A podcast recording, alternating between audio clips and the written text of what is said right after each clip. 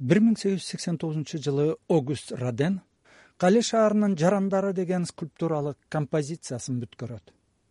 Бүтүндөй шаар элин куткаруу үчүн өз ыктыяры менен башын баталгага койгон алты жарандын эрдигин даңазалаган береги эстеликтин нускаларын бүгүн дүйнөнүн он чакты өлкөсүнөн көрүү мүмкүн. Алар эмне эрдик жасашкан эле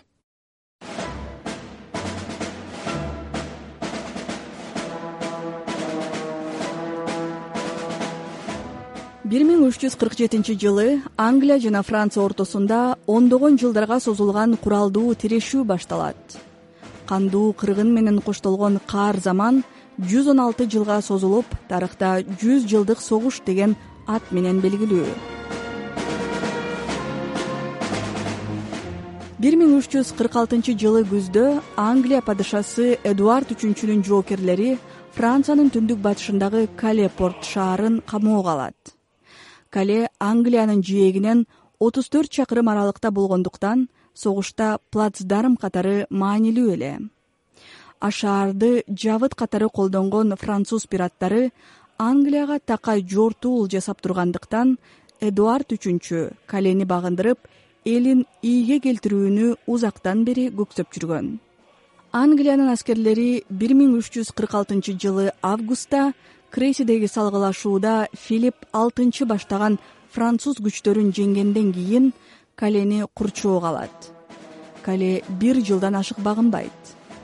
Шаарда азык түлүктүн таңкыстыгынан ачкачылык башталат. Ооруп сыркоологондор көбөйөт. Аргасы түгөнгөн шаар башчысы жан левьен апаатты токтотуу үчүн англия падышасына элдешүүнү сунуш кылат ошондо эдуард үчүнчү.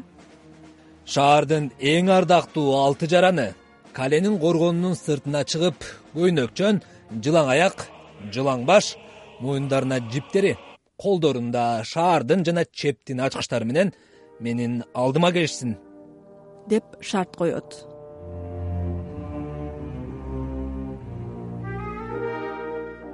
Летописчинин жазышынча англия падышасынын шартын кенттин ортолугундагы аянтка жыйналган эл тунжурап укту элдин жакшы чыкмаларынан кимдир бирөөлөр биз үчүн өлгөнгө макул болобу дешип баары бушайман. Топту жарып ортого шаардын кадырлуу аксакалы жана эң бай адамы эсташ де сен пьер суурулуп чыкты. Эмне деп алкаарын билбеген адамдар эсташ де сен пьердин бутуна жыгылып таат кылып жатышты жаратканга жалбыраган элдин үнү жана аялдардын ыйлаганы угулат ортого жан де эр ага инилер жан жана пьер де виссан андан соң андрет андр жана жан де фиен да чыгышты. Жан де эр да шаардын эң бай жана сөзү өтүмдүү жараны. Сурайылдай эки кыздын атасы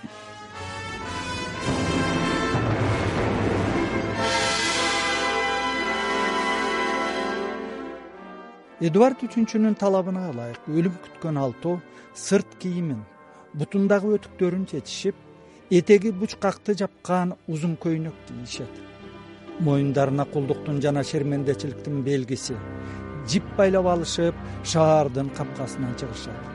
Алар англия падышасынын алдына барып тизе бүгүп отурушкан соң эсташ де сен пер эдуард үчүнчүгө кайрылат. Биз алты адам тең. Каленин тектүү жарандарынан болобуз. Сизге шаардын жана чептин ачкычтарын алып келдик. Сизден суранабыз. Кыйналып жаткан биздин шаардын калкына айкөлдүгүңүздү көрсөтүңүз. Бул сөздү угуп жатып падышанын жанындагы билермандардын көбү алты жарандын эр жүрөктүүлүгүнө тан берет. Тагдырына боору ооруп көздөрүнөн жаш төгүлөт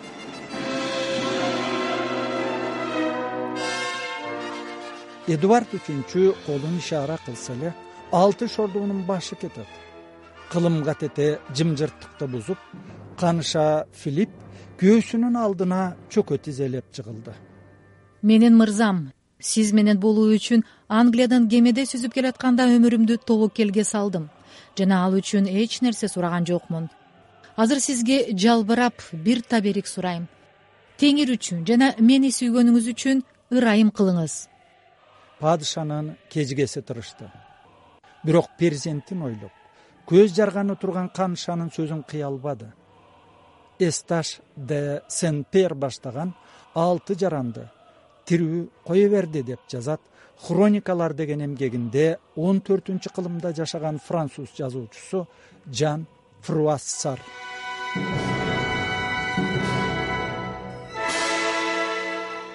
бул окуядан беш жүз жылдан кийин бир миң сегиз жүз сексен төртүнчү жылы кале шаарынын башчылары атактуу жердеши эсташ де сен пьерге эстелик тургузмак болуп конкурс жарыялайт.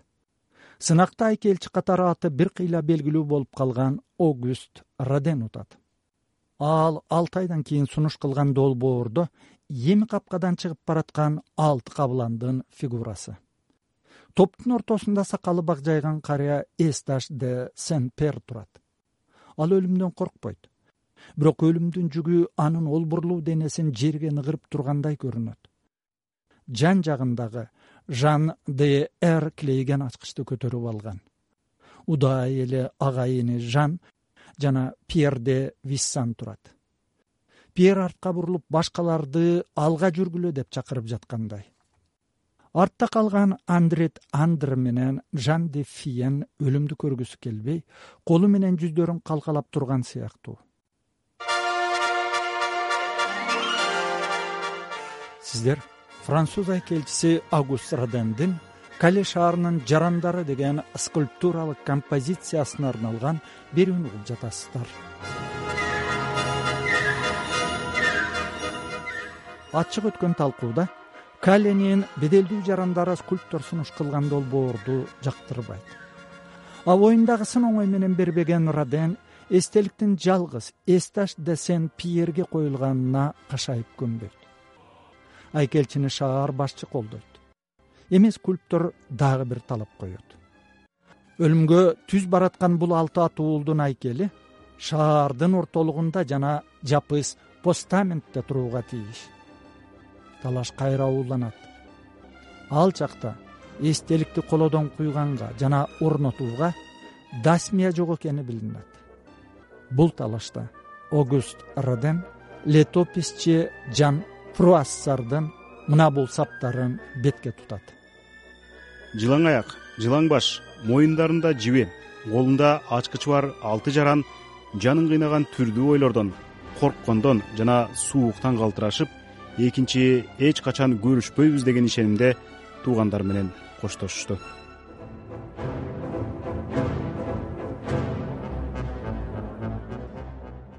Эгерде роденди франциянын көрүнүктүү сүрөткерлери адабиятчылары жана беделдүү жарандары жактап чыкпаса кале шаарынын жарандары эстелиги родендин атканасында ара туулган бойдон калат беле ким билет бир миң сегиз жүз сексен үчүнчү жылы скульптуралык композиция бүткөндөн беш жылдан кийин кале шаарынын алты жаранына жасалган эстеликти жезден жасоо жана тургузуу үчүн францияда жалпы улуттук лотерея ойнолот баасы бир франктык лотереядан түшкөн акчага адам боюндай кылып эстелик жасалат. Ал бир миң сегиз жүз токсон бешинчи жылы родендин эркине каршы шаардык сейилбактын маңдайына бийик постаментке орнотулат.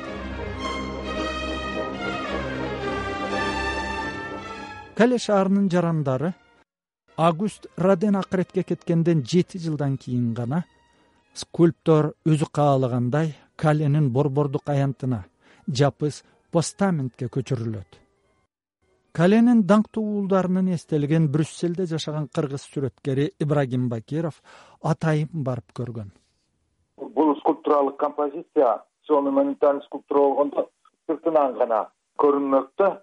Э, менин оюмча роден ушуну жасап атып өзүнү ошолордун арасындагыдай сезген болушу мүмкүн. Ошондо ар бир скульптураны караган киши дагы ошолорго кошулуп ошолордун тагдырына мындай ортоктош болгондой сезим пайда болуш керек да. Себеби родендин өзүндө так ошондой сезим болсо керек. Мага да ошондой сезим болду да алыстан бир башка көрүнүш ич жагынан бир башка көрүнүш.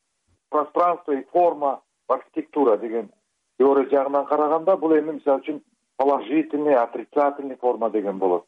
Ал жакта мисалы үчүн кээ бир формалар жейт пространствону а кээ бир форманы пространство өзү жейт өзү ичине кирип кетет. Ошондой эки жактуу көрүнүштү жасаган да бул жерде. Мисалы үчүн родендин өзү характери дагы өзү кандай сезсе аягын ачып өзүнүн э, позициясында турган э, скульптор да? Деди ибрагим бакиров.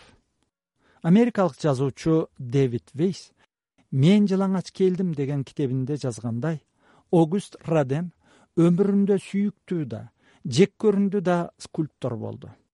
Ал билермандардын эң жогорку баасын алды. Аны жыгылган чобурдай тепкилешти анан улуу новатор деп көкөлөтө макташты. Аны скульптуранын революционери деп аташты. Бирок эң консервативдүү чөйрөлөрдө кабыл алышты. Өкмөт жана расмий мекемелер ага тарыхый эстеликтерди заказ беришти. Бирок кийин ал жасаган шедеврлерден баш тартышты. Роден бир миң тогуз жүз он жетинчи жылы көз жумган кезде анын ойчулу жана өбүшүүсү атлантиканын эки тарабында чыккан искусство боюнча бардык сөздүктөргө кирген эле. Бүгүн кале шаарынын жарандары дүйнөнүн төрт континентиндеги музейлердин сыймыгы.